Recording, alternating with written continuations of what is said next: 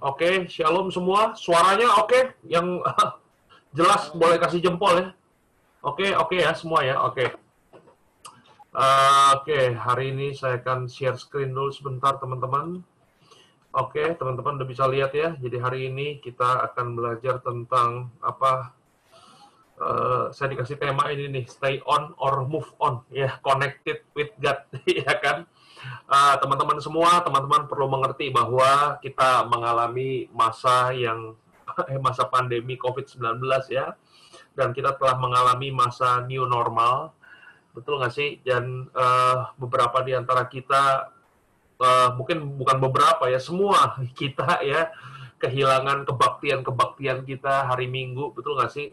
Tapi teman-teman saya mau kasih tahu bahwa sama seperti lagu yang kita nyanyikan tadi bahwa kita harus tetap bisa bertumbuh. Jadi kita nggak boleh uh, menggantungkan pertumbuhan kerohanian kita itu kepada gereja ya kita nggak boleh menggantungkan pertumbuhan kerohanian kita itu kepada hamba Tuhan tapi saudara sendiri yang harus bertanggung jawab atas iman saudara saudara sendiri yang bertanggung jawab atas kerohanian saudara oke okay?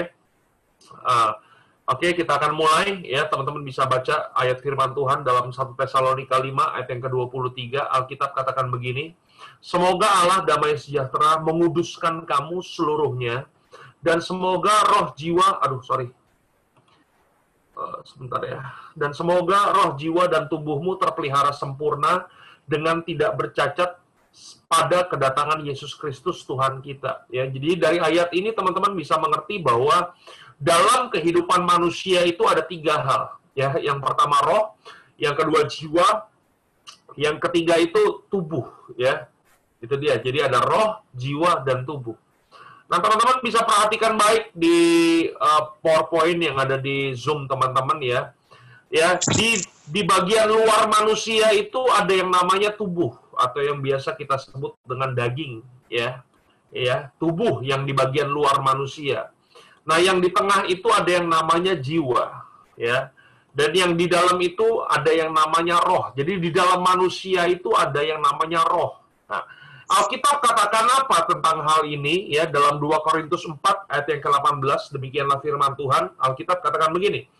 Ya, ini surat Paulus kepada jemaat di Korintus. Ya, Paulus menuliskan suratnya begini, sebab kami tidak memperhatikan yang kelihatan, melainkan yang tidak kelihatan. Jadi Paulus ingin memberitahu kepada jemaat di Korintus bahwa yang diberi fokus, yang diberi perhatian itu bukan apa yang kelihatan.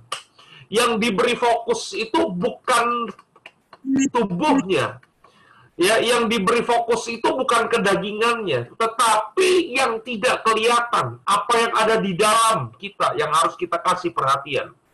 Ya, kenapa kita harus kasih perhatian kepada apa yang ada di dalam kita? Kenapa kita harus kasih perhatian kepada roh yang ada di dalam kita? Karena Alkitab katakan begini, karena yang kelihatan adalah sementara, sedangkan yang tidak kelihatan adalah kekal. Itu dia, ya kan? Jadi kita sebagai orang percaya, ya teman-teman semua yang ada di PD Sinar Mas ini ya, kita mesti mengerti bahwa fokus kehidupan kita itu bukan membangun apa yang ada di luar. Tapi fokus kehidupan kita seharusnya membangun apa yang ada di dalam. Kenapa yang di dalam begitu penting? Karena kita berkata yang di dalam ini sifatnya kekal. Jangan buang-buang waktu hanya sekedar membangun apa yang ada di luar kita. Nah, saya ngomong begini bukan berarti kita nggak boleh gunting rambut, kita nggak boleh ke gym ya, memperbagus body kita gitu ya. Tapi artinya begini, kalau teman-teman rajin nge-gym, teman-teman rajin membangun body teman-teman gitu ya, seharusnya teman-teman lebih lagi dong membangun manusia yang ada di dalam kehidupan teman-teman. Membangun manusia roh teman-teman. Membangun apa yang ada di dalam, beri perhatian pada apa yang ada di dalam kita. Itu maksudnya, ya kan? Kenapa kita perlu memberi perhatian kepada apa yang ada di dalam kita? Ya, supaya begini nih, ya, Galatia 5 ayat yang ke-16, perhatikan baik ya. Maksudku ialah hiduplah oleh roh, maka kamu tidak akan menuruti keinginan daging. Itu dia. Sebab ayat yang ke-17 perhatikan baik, sebab keinginan daging berlawanan dengan keinginan roh dan keinginan roh berlawanan dengan keinginan daging karena keduanya bertentangan sehingga kamu setiap kali tidak melakukan apa yang kamu kehendaki. Jadi dari ayat ini kita bisa belajar bahwa yang namanya keinginan daging itu selalu bertentangan dengan keinginan roh. Keinginan roh itu selalu bertentangan dengan keinginan daging. Mereka nggak pernah bisa bersatu. Mereka selalu bertentangan. Pertanyaan saya adalah begini. Pertanyaannya, di dalam kehidupan ini, mana yang kita beri perhatian paling banyak? Dalam kehidupan kita sehari-hari antara keinginan daging dengan keinginan roh, mana yang menang? Teman-teman bisa jawab salah satu aja. Antara keinginan roh dengan keinginan daging, mana yang sering kali menang? Daging Kopiter. Ah, kenapa daging lebih menang? Karena begini kan, karena kita kasih makan daging kita paling banyak daripada kita memberi makan roh yang ada di dalam kehidupan kita. Itu dia. Makanya kenapa kedagingan kita begitu hidup? Mengapa kita jadi orang-orang yang males? Kenapa kita jadi orang-orang yang terlalu nyaman dalam kehidupan? Kita nggak mau yang susah-susah. Karena apa? Karena kita memberi perhatian. Kita kasih makan daging kita paling banyak. Iya kan? Teman-teman pernah ini ya apa namanya uh, dengar cerita ya ada orang Indian punya anjing hitam sama anjing putih, ya kan? Jadi anjing hitam sama anjing putihnya ini tiap hari berantem, ya kan? Pertanyaannya antara anjing hitam sama anjing putih mana yang menang? Jawabannya adalah tergantung siapa yang paling banyak dikasih makan. Kalau anjing hitam yang paling banyak dikasih makan, maka anjing hitam ini akan mengalahkan anjing putih. Udah jelas itu pasti. Tapi kalau anjing putih yang diberi perhatian, dikasih makan paling banyak, maka apa yang terjadi? Maka anjing putih akan dengan segera mengalahkan anjing hitam. Itu dia, ya kan? Pertanyaannya adalah begini dalam kehidupan kita sehari-hari, ya. Kita lebih sering kasih makan daging kita paling banyak atau kita kasih makan roh kita paling banyak. Kenyataan kehidupan kita sehari-hari adalah begini. Seringkali kita kasih makan daging kita paling banyak. Saya kasih contoh. Ya kan? Ya kan, biasanya kalau ada pendeta-pendeta tamu nih ya, waktu ya kita ada kebaktian di Sinar Mas ya, biasa kan ada pendeta-pendeta datang gitu kan Nah, biasanya ada pendeta-pendeta yang tulis buku, ya kan. Terus setelah selesai dia khotbah, dia kemudian pamerin bukunya, ya kan. Teman-teman semua, kalau teman-teman mau memiliki buku ini, percayalah buku ini bisa menambah kasanah pengetahuan teman-teman dan bisa memberikan makanan bagi roh teman-teman. Kalau teman-teman ingin membaca dan memiliki buku ini, teman-teman hanya cukup mengganti ongkos cetaknya sebesar Rp50.000. Nah, pertanyaan saya, kalau ada pendeta yang kasih pengumuman kayak begitu, disuruh beli buku 50 ribu, pertanyaan saya, yang ada di kepala teman-teman tuh apa tuh? Isinya apa? Pasti pada mikir begini kan, hah? 50 ribu? Buset, mahal banget. Loh, iya kan? 50 ribu kita bilang mahal. Tapi nanti kalau teman-teman nongkrong ya, uh, di restoran ya kan ngumpul-ngumpul sama teman-teman ngopi-ngopi ya kan. Kita makan 500 ribu kita makan satu juta kita nggak pernah ngoceh mahal. Itu dia ya kan. Giliran untuk sesuatu yang membangun rohani kita kita bilang mahal. Betul gak sih? Padahal begini segala sesuatu yang teman-teman makan mau harga 10 juta 5 juta 2 juta saya mau nanya 4 jam kemudian berakhir di mana Berakhir di mana 4 jam kemudian? Semuanya berakhir di jamban, teman-teman. Itu dia.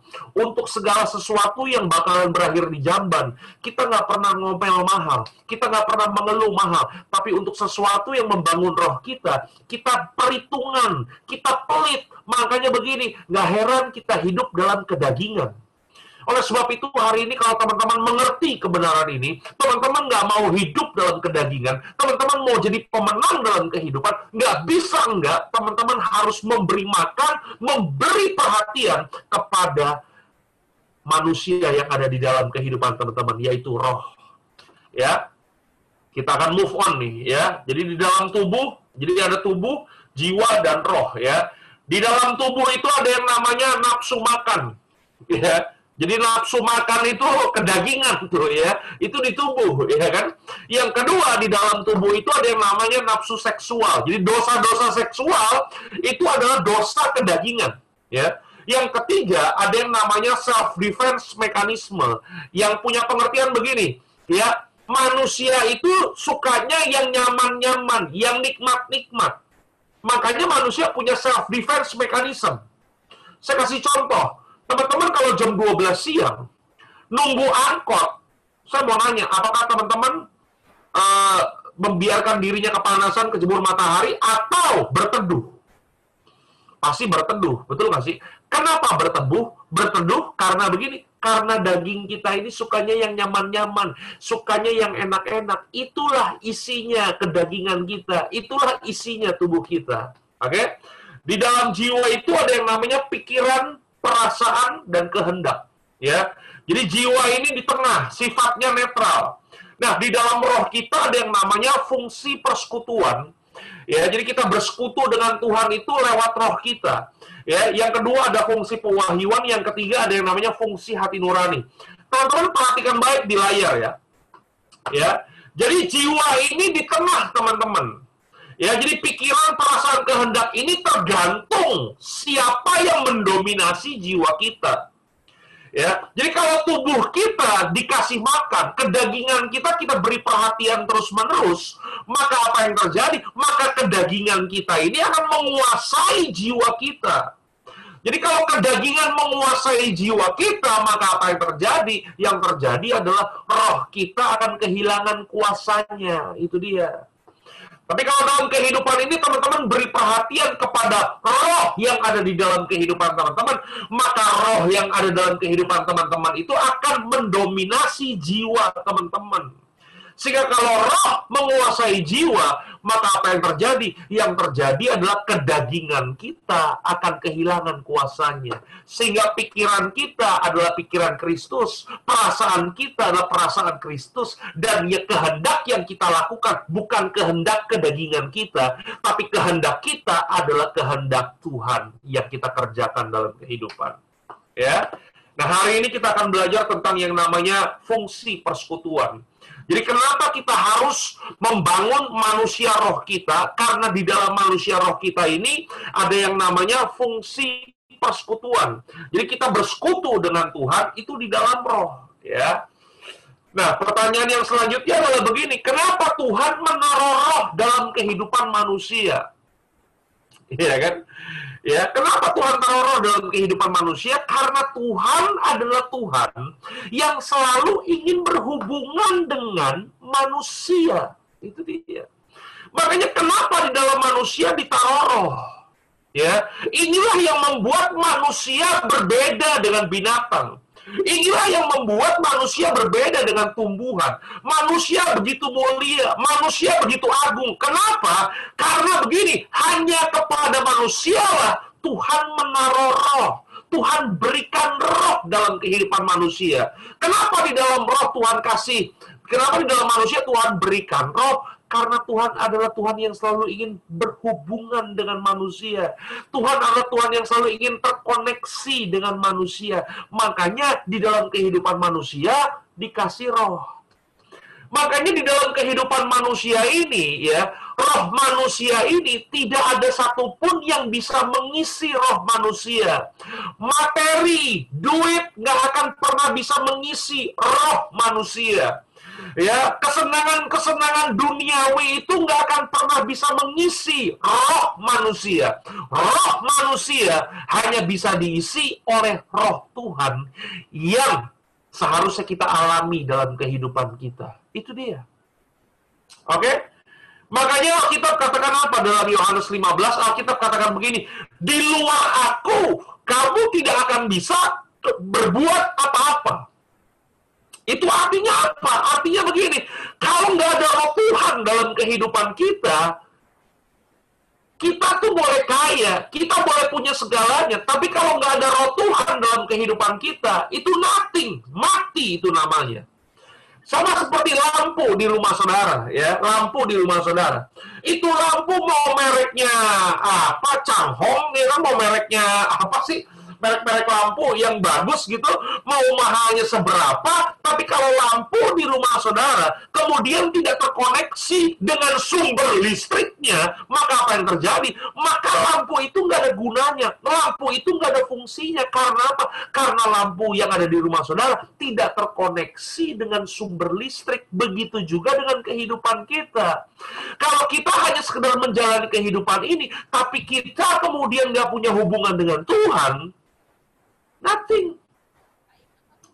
Ya kan? Makanya kita katakan apa dalam 2 Timotius 3 ayat yang kelima, ya. Ini bicara ini konteks 2 Timotius 3 ayat yang kelima, ini bicara soal akhir zaman, ya.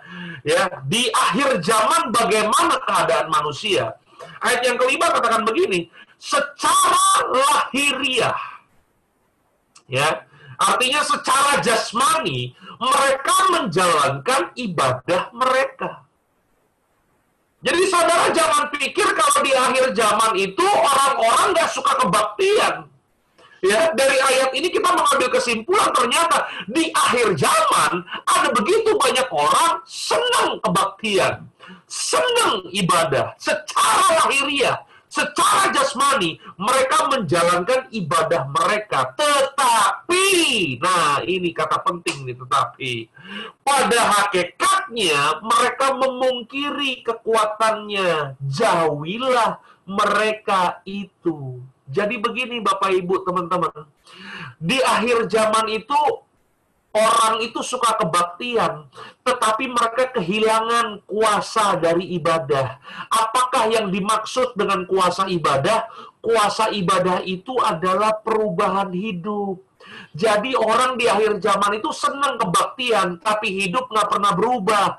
Hidupnya nggak pernah mengalami pertumbuhan. Kenapa? Karena begini, karena ibadah-ibadahnya nggak pernah menyentuh sampai rohnya.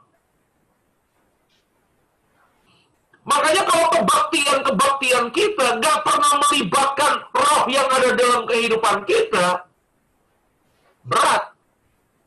Ya kan? Makanya Bapak Ibu bisa lihat, teman-teman bisa lihat, ada begitu banyak orang Kristen, rajin sih datang ke gereja. Bertahun-tahun, nggak pernah terlambat.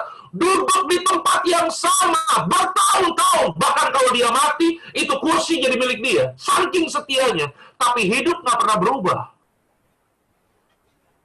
dari dulu pelit sampai sekarang medit. Wah, nggak ada perubahan, bro. Iya kan? Dari dulu, waduh, luar biasa. Dari dulu Judas sampai hari ini jutek. Nggak pernah mengalami perubahan. Kenapa? Karena begini, ibadah-ibadah yang kita kerjakan nggak pernah menyentuh sampai roh kita. Itu dia, nggak pernah melibatkan roh kita. Ya, makanya dari ayat ini kita mengerti kenapa ada begitu banyak orang rajin datang ibadah, tapi hidupnya nggak pernah berubah. Ya. Itu dia teman-teman. Ya, oleh sebab itu, bagaimana sih caranya kita terkoneksi dengan Tuhan? Bagaimana kita bisa berhubungan dengan Tuhan? Ada satu kata yang sangat luar biasa. Bagaimana caranya kita berhubungan dengan Tuhan? Satu kata itu adalah worship, katakan sama-sama worship atau penyembahan, ya. Nah, saya cuma mau kasih tahu begini, kita harus memaknai worship itu dengan benar. Oke? Okay? Kesalahan konsep kita tentang worship itu makanya mendangkalkan arti penyembahan itu sendiri. Saya cuma mau kasih tahu begini bahwa penyembahan itu bukan aktivitas musikal. Saya ulang sekali lagi ya. Ya, ini kayaknya masih ada mic-mic yang masih nyala nih. Host boleh di mute dulu nggak? Thank you hostnya yang sudah di mute ya Bapak Ibu yang belum di mute terpaksa di mute ya nggak apa-apa ya supaya saya tidak kehilangan pewahyuan nih kalau lagi ngomong karena biasa kalau online begini suka ngeblank gitu ya. Ya, saya ulang sekali lagi, apakah pengertian dari penyembahan? Ya, penyembahan itu bukanlah aktivitas musikal. Oke? Kalau kita memaknai penyembahan hanya sebatas aktivitas musikal, berarti begini, cuma orang-orang yang jago main musik dan suaranya merdu doang yang bisa nyembah Tuhan. Saudara yang suaranya cempreng kayak kaleng rombeng, saudara nggak akan pernah bisa jadi true worshippers. Kenapa? Karena pemahaman saudara salah. Ya, penyembahan itu bukan aktivitas musikal. Penyembahan itu adalah aktivitas roh. Itu dia. Nah, kalau penyembahan itu adalah aktivitas roh, artinya begini, saudara suaranya boleh cempreng kayak kaleng rombeng, betul nggak sih? Tapi saudara tetap bisa worship Tuhan. Saudara tetap bisa nyembah Tuhan. Karena penyembahan itu bukan hanya sekedar aktivitas musikal.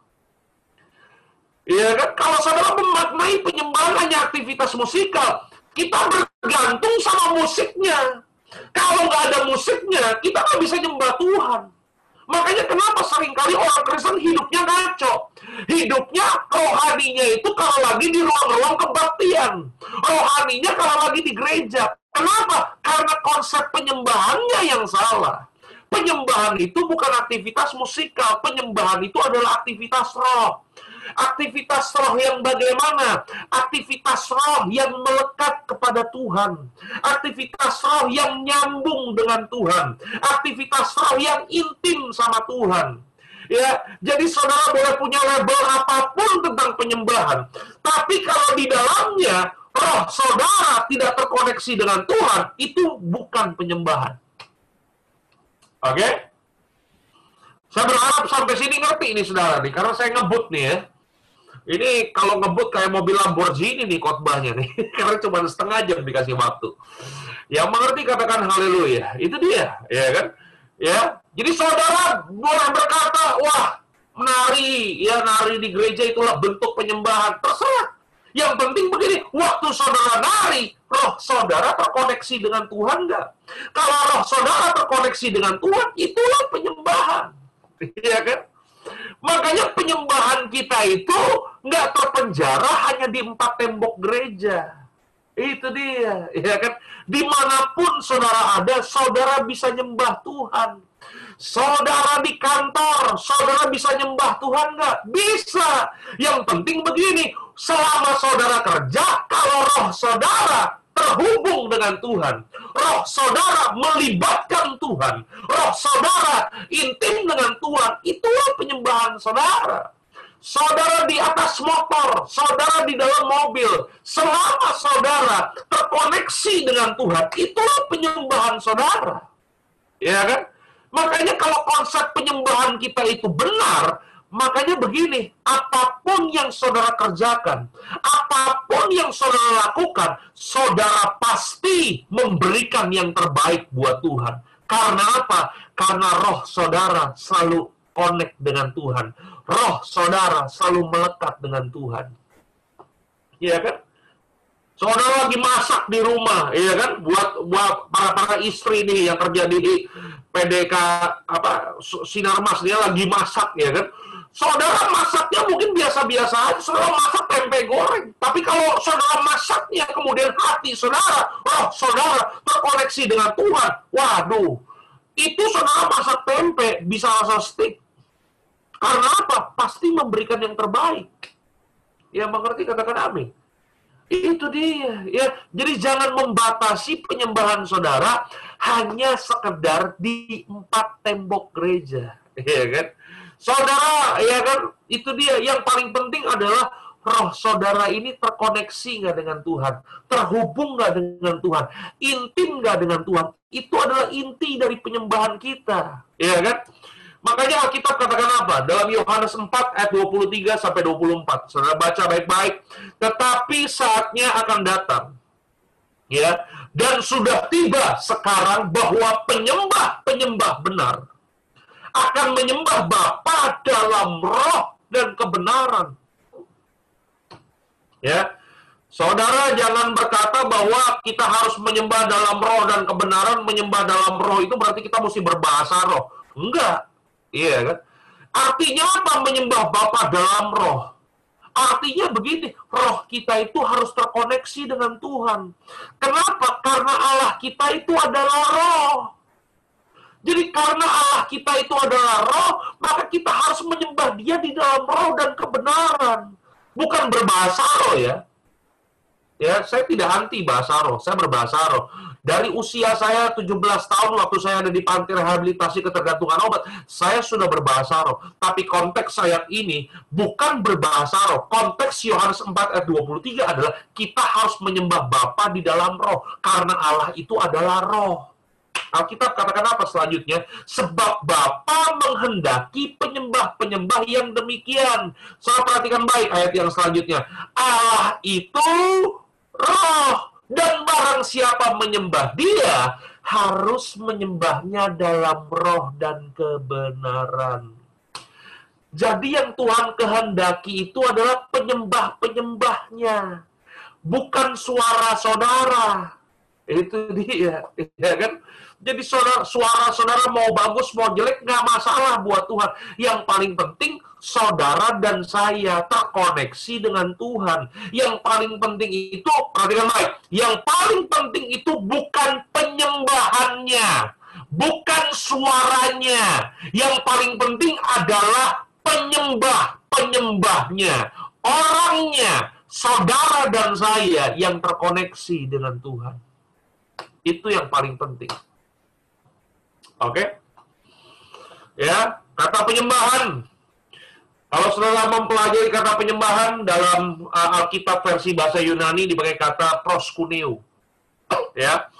Pengertian besar dari proskuneo itu adalah seperti anjing menjilat tangan tuannya. Itu pengertian proskuneo, ya. Tapi kalau dalam arti sempitnya, kata proskuneo itu punya pengertian mencium. Ya, kissing, mencium, itulah proskuneo. Ya kan? Nah, saya mau nanya sama teman-teman. Aktivitas mencium, aktivitas kissing ini, ya kan? Itu kita lakukan kan kepada orang yang paling dekat dengan kita, kan? Betul gak sih? Jadi kalau kita nggak punya hubungan, mana mungkin saya cium saudara gitu loh. Ya, saya mau nanya, mau nggak saudara saya cium satu-satu? Hah? Bisa dilaporin polisi saya. Kenapa? Karena kita nggak punya hubungan. Itu loh. Iya kan? Saudara nih di depan rumah nih, kan hari Sabtu nih ya. Sore-sore di depan rumah saudara ada tukang bakso lewat. Ya, kemudian saudara panggil, bang bakso bang, satu bang. Ya, nanti bang bayarnya boleh nggak pakai cium? Mungkin nggak saudara lakukan itu? Nggak mungkin. Kenapa? Ya karena itu tukang bakso, saya nggak kenal pasti kan, betul gak sih? Itu dia. Tapi kalau saya lagi ada di rumah, ya kan, kemudian saya berjumpa dengan seorang wanita yang bernama Rika Soehartono, yang notabene adalah istri saya sendiri, ya kan, istri nih, ya kan, boleh nggak saya proskuneo istri saya? Boleh nggak saya mencium istri saya? Boleh. Kenapa? Karena kami suami istri. Hubungan kami itu udah intim. Hubungan kami itu begitu dekat. Itu dia, makanya saya boleh proskuneo istri saya.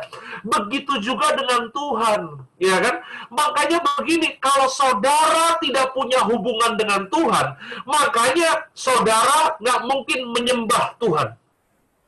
Saya ulang sekali lagi. Makanya begini, kalau saudara nggak punya hubungan dengan Tuhan, makanya saudara nggak akan mungkin menyembah Tuhan. No relationship, no worship. Oke? Okay? Jadi pemahaman penyembahan kita itu bukan pemahaman-pemahaman agamawi ya pem, bukan hanya sekedar pemahaman-pemahaman kita ada di gereja ngumpul sama teman-teman terus kita worship sama-sama nyanyi sama-sama baru kita bisa nyembah Tuhan. Betul nggak? Di mana pun kita ada apalagi di zaman new normal kayak begini PSBB saudara di rumah saudara nggak bisa ngumpul di gereja. Saudara harus tetap bisa menyembah Tuhan karena Tuhan itu adalah roh. Tuhan ada di mana-mana. Saudara tetap bisa menyembah Tuhan saudara bisa tetap terkoneksi dengan Tuhan Dan kalau saudara hidup terkoneksi dengan Tuhan, saudara pasti memberikan yang terbaik buat Tuhan. Nggak mungkin yang kaleng-kaleng saudara berikan kepada Tuhan. Ya, Saudara jangan memaknai worship-worship yang dangkal model kayak begitu dong. Ya kan? Ada orang ngomong begini sama saya, tapi Pak Pendeta, ya kan? Saya, waduh, ya kan? Kalau datang ke gereja itu Pak Pendeta, waduh, bulu kuduk saya bisa baru masuk pintu gerejanya, bulu kuduk saya berdiri. Ya ampun. Kalau hanya sekedar cari bulu kuduk berdiri, saudara jam 2 malam aja jalan di kuburan, bulu kuduk saudara pasti berdiri. Iya kan? Tapi Pak Pendeta saya kalau ke gereja itu Pak Pendeta baru masuk gerbang pintu, baru nyanyi, baru nyanyi ini. Air mata saya langsung berlinang. Ya ampun. Iya kan? Saudara waktu Michael Jackson masih hidup, dia konser, itu fansnya. Begitu Michael Jackson nyanyi pada nangis semua saudara nonton di YouTube aja tuh. Pada nangis semua. Jangan memaknai worship dengan nangis dong. Iya kan? Tapi Pak Pendeta, kalau saya ke gereja itu, waduh, present worshipnya, saya kalau present worship bisa goyang-goyang, loncat-loncat, semangat Pak Pendeta. Ya ampun. Saya cuma mau kasih tahu, kalau saudara memaknai worship hanya sekedar loncat-loncat, Gangnam Style lebih keren loncatnya. Jangan dong. Penyembahan itu bukan nangis. Penyembahan itu bukan bulu kuduk berdiri. Penyembahan itu bukan loncat-loncatnya. Penyembahan itu adalah aktivitas roh saudara yang terkoneksi dengan Tuhan. Itulah worship. No relationship, no worship. Ayat yang terakhir. 8 menit lagi ya. Masih bertahan dengan saya? Yesaya 40 ayat 30 sampai ayat 31. Ya. Ayat 30 katakan begini, orang-orang muda menjadi lelah dan lesu dan teruna-teruna jatuh tersandung, ya kan? Jadi sama seperti anak-anak Tuhan yang ada di sinar mas, orang-orang muda, asik, ya kan? Saudara saya mau nanya ya, perbedaan yang paling signifikan antara orang muda dengan orang tua itu kelihatan pada apanya? Ya, perbedaan paling signifikan antara orang muda dengan orang tua itu kelihatan pada kekuatan fisiknya, betul nggak sih? Itu dia. Saya tinggal nih di lantai 19 apartemen, lantai 19 ya. Kalau terjadi gempa, ya kebetulan saya punya mertua, ya mertua saya umur 68 tahun. Kalau terjadi gempa, menurut saudara, nenek-nenek, emak-emak usia 68 tahun, ya, kuat nggak turun dari lantai 19 ke lantai ground? Menurut saudara kuat nggak? Menurut saya kalau lagi gempa itu nenek-nenek ya mertua saya pasti kuat turun ke lantai ground. Karena gempa mau nggak mau kan. Betul nggak sih? Tapi begitu lantai G sampai di lantai G mesti ada ambulan ya kan? Ya kasih tabung pernapasan ya kan? Betul nggak sih? Karena apa? Fisiknya lemah. Tapi kalau saya nih usia 38 tahun turun dari lantai 19 sampai lantai ground menurut saudara saya kuat gak? Jangankan turun, saudara. Naik lagi, turun lagi, naik lagi, saya juga kuat. Kenapa? Karena masih muda. Ada kekuatan fisiknya. Betul nggak sih? Itu dia. Tetapi kenapa Alkitab berkata, orang-orang muda yang notabene punya kekuatan fisik menjadi lelah dan lesu. Dan teruna-teruna jatuh tersandung. Katanya orang muda punya kekuatan fisik. Tapi kenapa jadi lelah dan lesu? Iya kan? Kenapa? Karena menurut saya begini, orang-orang muda itu terlalu mengandalkan kekuatan fisiknya. Terlalu mengandalkan kekuatan yang ada di luarnya. Makanya gampang lelah, gampang lesu. Iya kan? Ayat 31. Ayat 31 katakan begini, tetapi, ya sudah tahu kata tetapi ya, kata tetapi ditaruh di situ untuk melemahkan kalimat sebelumnya ya kalimat sebelumnya katakan apa? Orang-orang muda menjadi lelah dan lesu. Ayat 31 tetapi sudah perhatikan baik orang-orang yang menanti-nantikan Tuhan akan mendapatkan kekuatan baru. Mereka sumpah Raja Wali yang naik terbang dengan kekuatan sayapnya. Mereka berlari dan tidak menjadi lesu. Mereka berjalan dan tidak menjadi lelah Saudara perhatikan baik-baik, orang-orang yang menanti-nantikan Tuhan akan mendapatkan kekuatan baru, Apakah yang dimaksud dengan menanti-nantikan itu?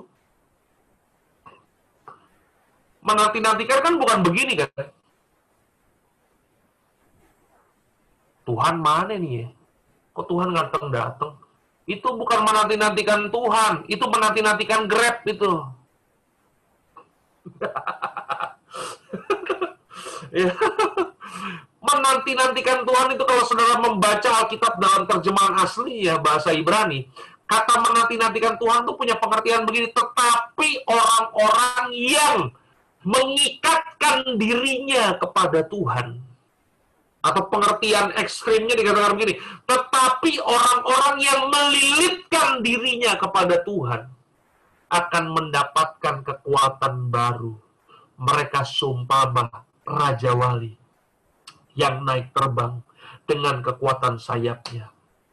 Mereka berlari dan tidak menjadi lesu. Mereka berjalan dan tidak menjadi lelah.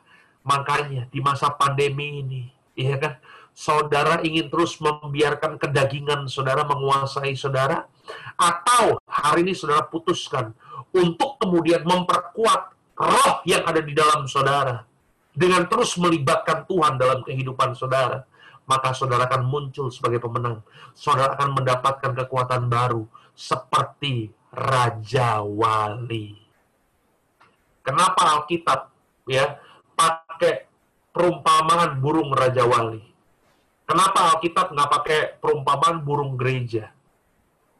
Padahal dari arti namanya burung gereja sama Raja Wali, menurut saya rohanian mana burung gereja sama burung Raja Wali? Burung gereja lebih rohani. Kenapa? Karena ada nama, tulisan gerejanya kan. Itu dia. Tapi ini kelemahan burung gereja. Soalnya tahu burung gereja ya? Burung gereja tuh burung emprit. Soalnya pernah ketemu burung emprit di rumah saudara ya, di tiang listrik ya itu burung gereja. Jangankan badai, angin sepoi-sepoi nyungsep dia. Ya, nyungsep, masuk rumah kosong, ya, masuk gereja, masuk masjid, masuk wihara. Jadi ini burung murtad sebenarnya burung gereja ini. Ya kan? Namanya doang rohani, kelakuan mangga rohani.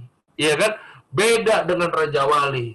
Raja Wali kalau sudah mempelajari burung Raja Wali, burung Raja Wali itu diciptakan bukan untuk tunduk pada badai. Raja Wali diciptakan itu untuk, hmm, ya kan? Dia akan terbang di atas badai. Dia akan terbang mengatasi badai. Itu dia teman-teman. Kita akan menjadi pribadi-pribadi yang kuat.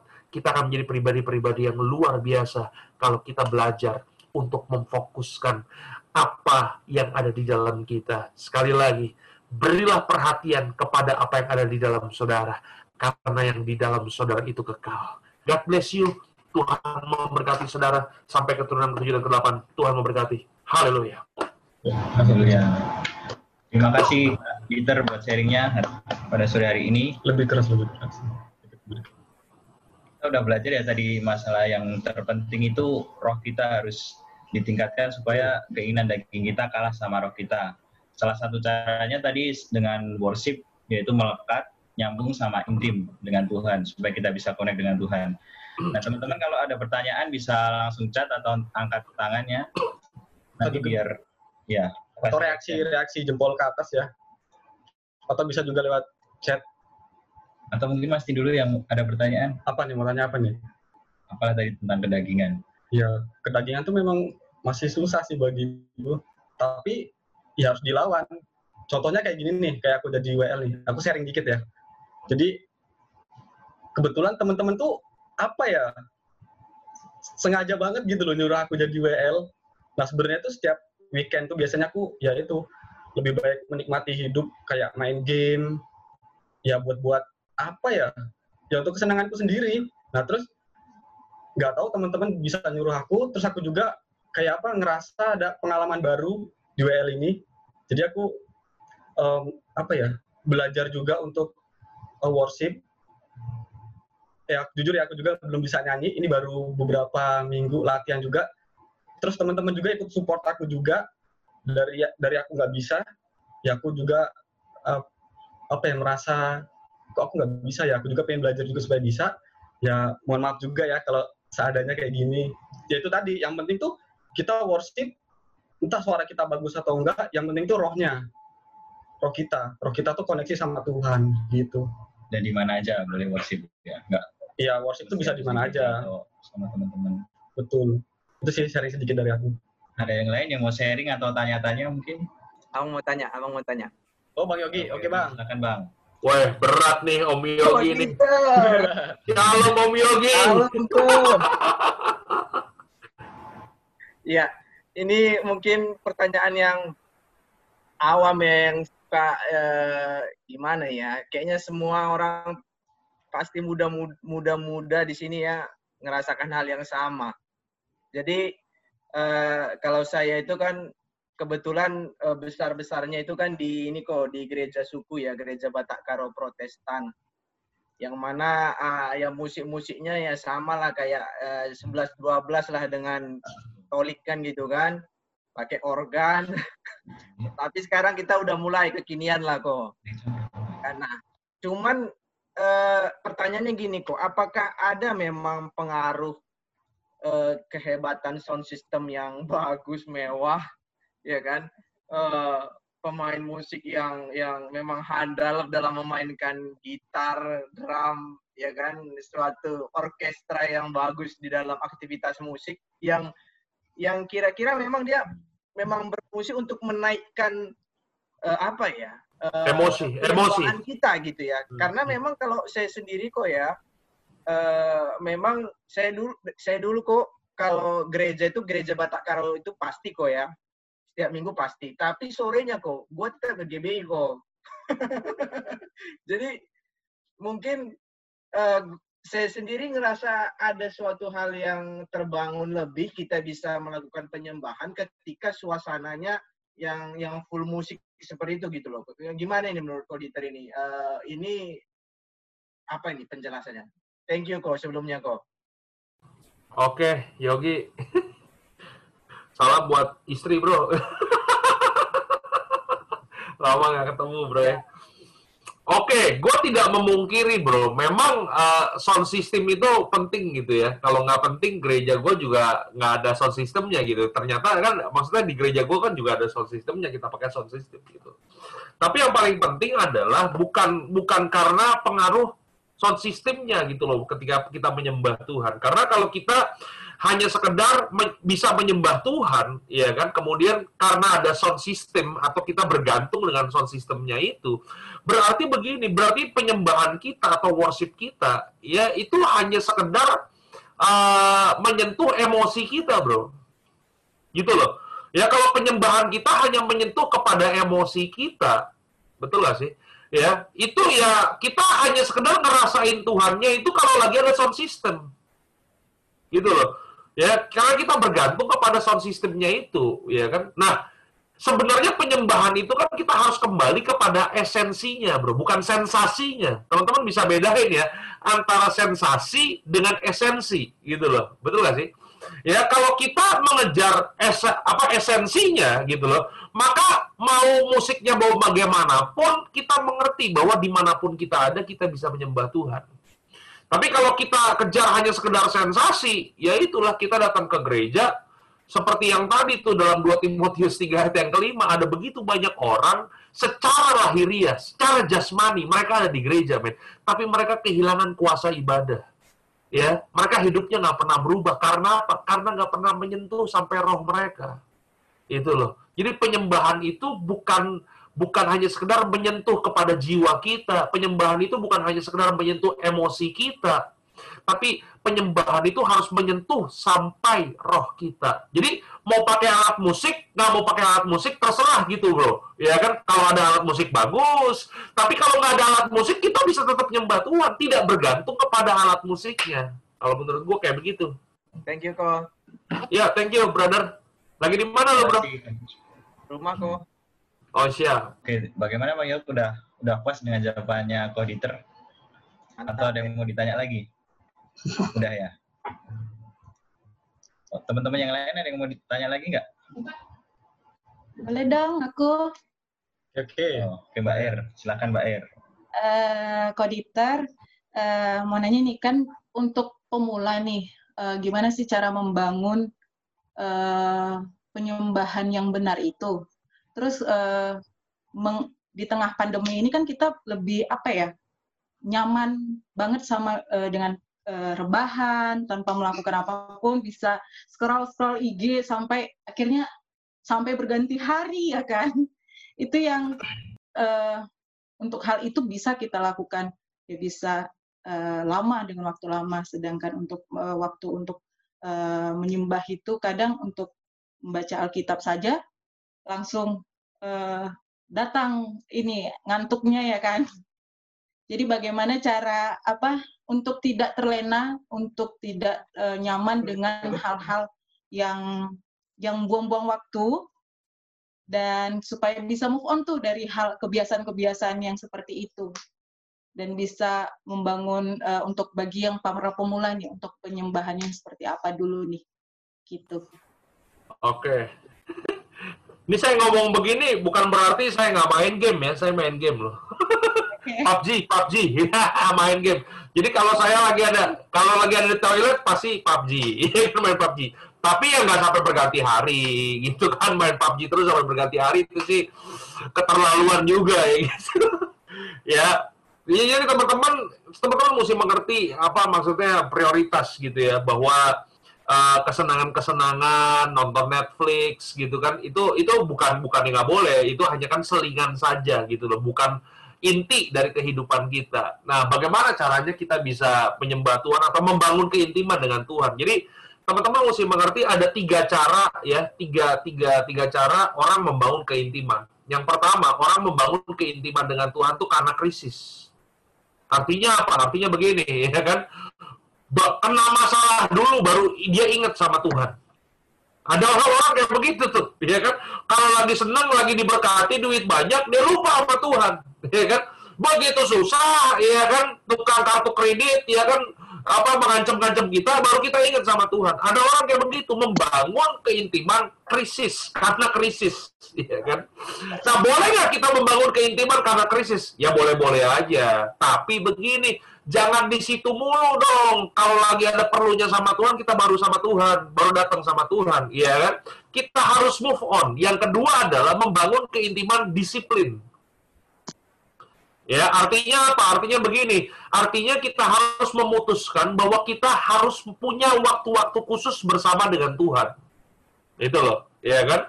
Contohnya pagi hari kita bangun saat teduh, ya kan? Itu bagus tuh. Kita artinya punya waktu-waktu yang kita komitmen di situ. Itu harus dilatih, iya kan? Nah, yang ketiga ada yang namanya membangun keintiman otomatis. Nah, ini artinya apa nih? Artinya waktu kita membangun keintiman otomatis ini artinya kita udah nggak memerlukan waktu-waktu khusus lagi. Ya kan? Kalau di sini nih waktu-waktu khusus kita mungkin menyisakan waktu satu jam satu hari, ya kan? Masalahnya begini, masalahnya satu hari kan nggak satu jam. Satu hari 24 jam. Betul nggak sih? Nah, kita harus sampai kepada uh, keintiman yang otomatis. Artinya apa? Artinya begini, kapan pun, di mana pun, kita bisa membangun keintiman dengan Tuhan. Itu dia. Nah, bagaimana caranya supaya kita bisa sampai punya keintiman otomatis ini? Ya, kita perlu disiplin diri kita. Nggak bisa enggak, kita perlu memutuskan teman-teman dan kita perlu komitmen. Ah, ini dia nih masalahnya nih. Iya kan? Masalahnya ada begitu banyak orang percaya itu cuma sekedar memutuskan, tapi nggak pernah komitmen. Kalau cuma sekedar keputusan, ya semua orang bisa memutuskan. Ya, ada tiga ekor kucing di atas meja. Dua ekor kucing memutuskan untuk turun dari meja. Pertanyaan saya, berapa sisa kucing di atas meja? Ada yang bisa jawab? Halo? Saya ulang, saya ulang sekali lagi ya. Ada tiga ekor kucing di atas meja. Dua ekor kucing memutuskan untuk turun. Pertanyaan saya, berapa ekor kucing yang tersisa di atas meja? Tiga. Kenapa tiga? Belum Kan baru baru belum turun, baru Belum turun, belum baru mikir kan. Itu dia, dia cuma baru memutuskan, belum turun, dia kan. Makanya selain memutuskan, kita perlu komitmen, itu dia, ya kan. Jangan sekedar kita senang mendengar firman, tapi putuskan dan milikilah komitmen saran saya, saran saya supaya kita punya waktu disiplin, saran saya ya jangan banyak-banyak dulu, ya kan? Mulai dulu lah kita bangun jam 5 pagi, ya kan? Contoh nih bangun jam 5 pagi, baca satu pasal satu hari. Doa jangan lama-lama, 5 menit aja dulu. Iya kan? Kita kan senangnya begitu kan, kalau habis pulang KKR, habis dengar khotbah kayak begini, kita wah, saya akan memutuskan auditor, ya kan, besok pagi saya akan doa dua jam dan akan baca firman Tuhan 20 pasal sehari. Beuh, ya kan? Saya percaya besok bisa, besok bisa, ya kan? Minggu depan Wah, itu belum tentu, ya kan? Kenapa? Karena kebanyakan, ya kan? Lu sama aja kayak datang ke gym gitu kan. Lu mau gedein otot lu, ya kan? Kalau kamu mau gedein otot kamu, ya angkat barbelnya jangan langsung 50 kilo dong. Kalau kamu langsung angkat 50 kilo, maka apa yang terjadi? Besok lu nggak bisa pakai baju, ya tangan kemeng semua, nggak pernah latihan lagi, betul nggak sih? Kalau kamu mau gedein otot kamu, mulai angkat dulu 5 kilo. Ya, kalau udah kuat 7 kilo, 10 kilo, baru bisa 50 kilo. Begitu juga dengan kerohanian. Jangan banyak-banyak dulu. Bangun dulu habitnya, bangun dulu kebiasaannya, baru bisa. Kayak begitu, Erna? Oke, Koditor, terima kasih. Ya, Terima kasih, Koditer. Jadi kuncinya dibiasain dulu, Mbak Erma. Biasain ya. Ya, Kurangin pagikan pagi tuh. ya, ya. Oke. Ini ada pertanyaan lagi, Koditer di chat dari Bang Riko Sianipar. Bagaimana pendapat Koditer dalam pelayanan persekutuan kantor atau komsel di masa pandemi ini agar semakin tetap mempunyai hubungan tet- tetap kuat kepada Tuhan? Bagaimana pendapat auditor dalam pelayanan persekutuan kantor atau komsel di masa pandemi ini agar semakin tetap mempunyai hubungan tetap kuat kepada Tuhan? Ya pendapat saya ya kita harus tetap bersekutu ya. Kita nggak boleh kehilangan persekutuan kita dengan Tuhan. Dan jujur aja teman-teman ya, ini saya eh, di masa pandemi, apalagi PSBB kemarin sampai hari ini, itu makin sibuk teman-teman. makin banyak pertemuan-pertemuan Zoom meeting model kayak begini sampai saya tuh lelah untuk melayani ya kan Zoom meeting Zoom meeting begini betul gak sih? Karena apa? Karena begini orang saya rasa tuh mereka tambah haus gitu loh. Kalau menurut saya itu loh, ya kan? Makanya buat teman-teman yang ada di PD-PD seperti ini, kita harus tetap apa namanya kita harus tetap eh, mengenali kehendak Tuhan, tahu kehendak Tuhan buat komunitas kita, dan kita kerjakan itu dengan penuh cinta sama Tuhan, gitu loh. Jadi eh, tidak ada yang bisa menghalangi persekutuan kita dengan Tuhan, tidak ada yang bisa menghalangi persekutuan kita fellowship bersama-sama dengan an- teman-teman anak-anak Tuhan. Kalau menurut saya begitu sih. Ya, pakai media apa pun sekarang media udah banyak kok. Ya kan? Jadi nggak ada yang bisa menghalangi kita gitu loh. Teman-teman ada lagi yang mau ditanyakan atau yang masih mengganjal dalam hatinya? Mengganjal ya. Ya, bahasa-bahasa jomblois nih kayaknya mengganjal. Takut lagi. ya, yang penting ini ya, gua kasih ini dah. Maksudnya yang penting tuh teman-teman eh, memaknai kata ibadah itu dengan benar. Ya, jadi kalau teman-teman mempelajari Alkitab, ya, di dalam Alkitab itu teman-teman akan menemukan kata-kata ibadah. Nah, kata-kata ibadah dalam Alkitab itu ternyata kalau teman-teman mempelajari itu ada tiga kata yang menjelaskan kata ibadah. Ya, yang pertama itu kata ibadah yang pertama yang digunakan Alkitab itu namanya latreo. Nah, apakah pengertian latreo? Latreo itu adalah ibadah-ibadah yang kita kerjakan setiap minggu. Kebaktian-kebaktian kita, kebaktian offline tuh, ya kan? Ya, nyanyi satu lagu lambat, dua lagu cepat, satu lagu lambat dengan firman Tuhan, kasih persembahan, doa berkat, pulang. Itu latreo. Ya. Kata yang kedua yang dipakai kata ibadah itu adalah eh, treskea. Nah, apakah pengertian treskea? Treskea itu adalah begini, kalau kita mengunjungi janda-janda miskin dan anak-anak yatim piatu, itu ibadah tuh. Ya kan? Ingat ya, janda miskin, bukan janda kaya. Janda miskin dan anak-anak yatim piatu. Ya, itu adalah ibadah kita tuh. Ya. Yang ketiga, kata ibadah itu yang paling banyak dipakai dalam Alkitab itu adalah eusebia. Nah, apakah pengertian eusebia? Eusebia itu adalah ketika saudara mengejar keserupaan saudara dengan Tuhan, itu adalah ibadah saudara. Ya.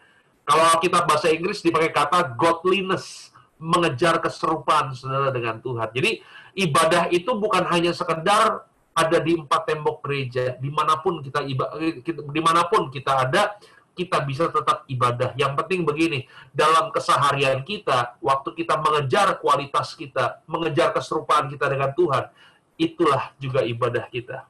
Gitu, brother. Oke, terima kasih kok buat sharingnya. Ada lagi yang mau di bertanya? Boleh dong sekali lagi kok. Boleh, ya, Mau nanya, ya. kok. Silakan. Kok mau Ya. nanya dong kok. Eh, nyambung nyambung tadi sih nyambung pertanyaan dari Bang Yogi tadi. Kok sekarang kan tapi di kondisi sekarang ini kan eh, banyak nih sekarang ibadah terkadang ya mungkin ya kok ya mungkin ini pandangan banyak orang-orang melihat sekarang itu ibadah itu dilihat dari eh, terkadang akhirnya menampilkan kehebatan talentanya lalu menampilkan sound system yang sangat megah, luar bi- yang megah, instrumen yang baik, yang berkelas, dan eh, penampilan penampilan present worship-nya yang baik dan akhirnya terkadang menghilangkan esensi dari sebuah penyembahan itu kok. Dan dan mungkin sekarang banyak nih sekarang orang eh, akhirnya banyak orang berpendapat bahwa kita kita ini bukan bukan sedang konser tapi sedang praise worship.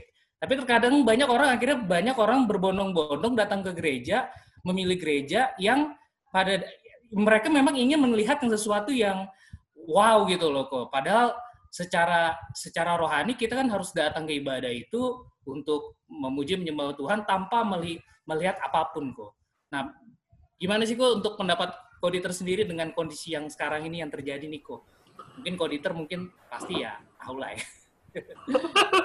gitu. Iya iya bro, maksudnya gini, gue percaya bahwa eh gereja besar tuh terserah lah ya, maksudnya mau besar mau kecil sama aja. Gereja itu adalah persekutuannya gitu loh, betul nggak sih?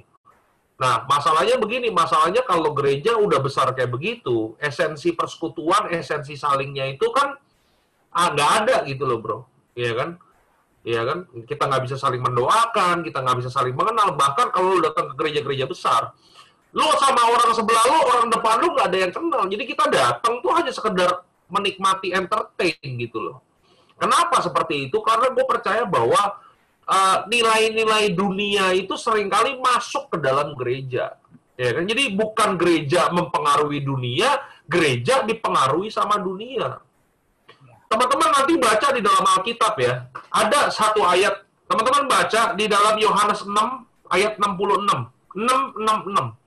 Mulai dari waktu itu banyak murid-muridnya mengundurkan diri dan tidak lagi mengikuti dia. Tidak lagi mengikuti Yesus. Iya kan? Iya kan?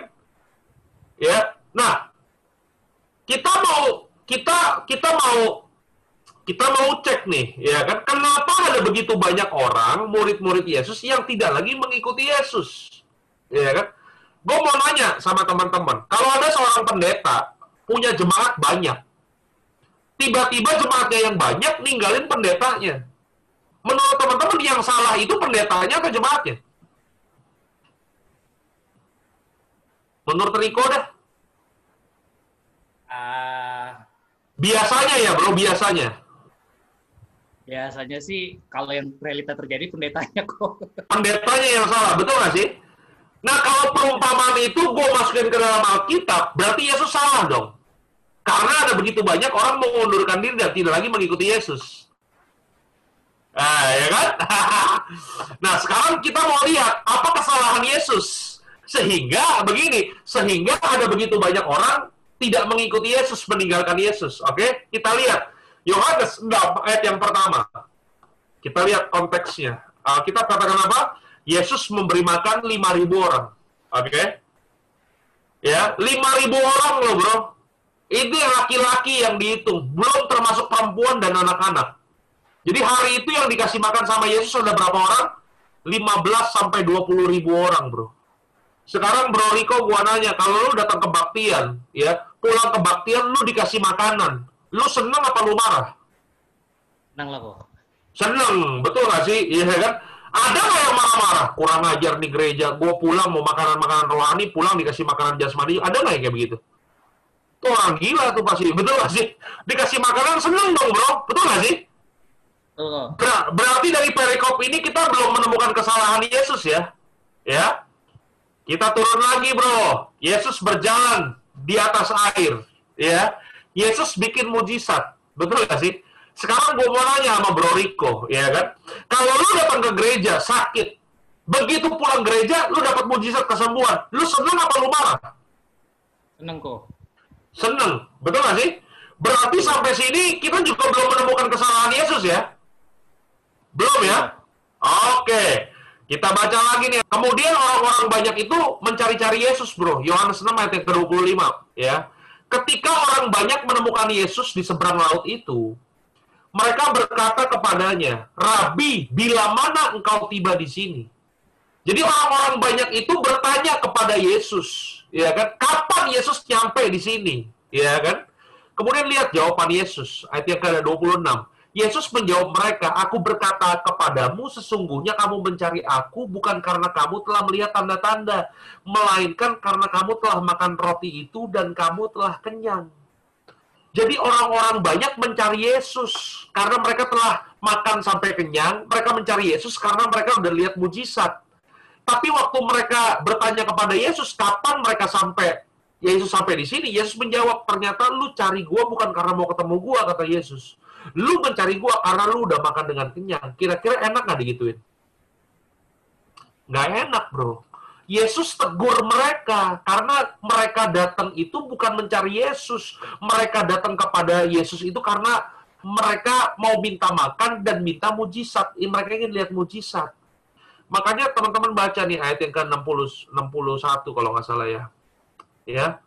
Teman-teman, ayat yang ke-60. Sesudah mendengar semuanya itu, banyak dari murid-muridnya, murid-murid Yesus berkata, perkataan ini keras. Siapakah yang sanggup mendengarkannya? Itu dia. Ayat 66 baru mulai dari waktu itu, murid-muridnya mengundurkan diri dan tidak lagi mengikuti dia. Pertanyaan gua, yang meninggalkan Yesus ini berapa banyak, bro? Yang meninggalkan Yesus hari itu kemungkinan kira-kira 15 sampai 20 ribu orang, bro. Betul nggak sih? Itu dia. Dari sini kita belajar apa? Dari sini kita belajar. Yang banyak itu belum tentu yang Tuhan mau. Yang sedikit itu belum belum tentu itu yang Tuhan nggak seneng. Itu nggak sih?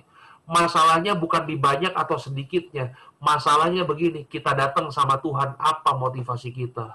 Ya kan? gitu, brother, kalau menurut gua. Jadi, apa namanya, ya jangan sampai gereja dipengaruhi oleh nilai-nilai dunia. Ya pakai-pakai cara-cara dunia untuk bisa mengumpulkan banyak orang. Yang banyak itu belum tentu apa yang Tuhan mau. Banyak itu bukan standar Tuhan melihat keberhasilan gereja. Keberhasilan suatu gereja adalah ketika dia menyelesaikan amanat agung. Pergilah, jadikanlah semua bangsa muridku. Baptislah mereka dalam nama Bapa, Putra, dan Roh Kudus. Ajarlah mereka melakukan segala sesuatu yang kuperintahkan kepadamu, maka aku akan menyertai kamu sampai kesudahan akhir zaman. Itu, bro.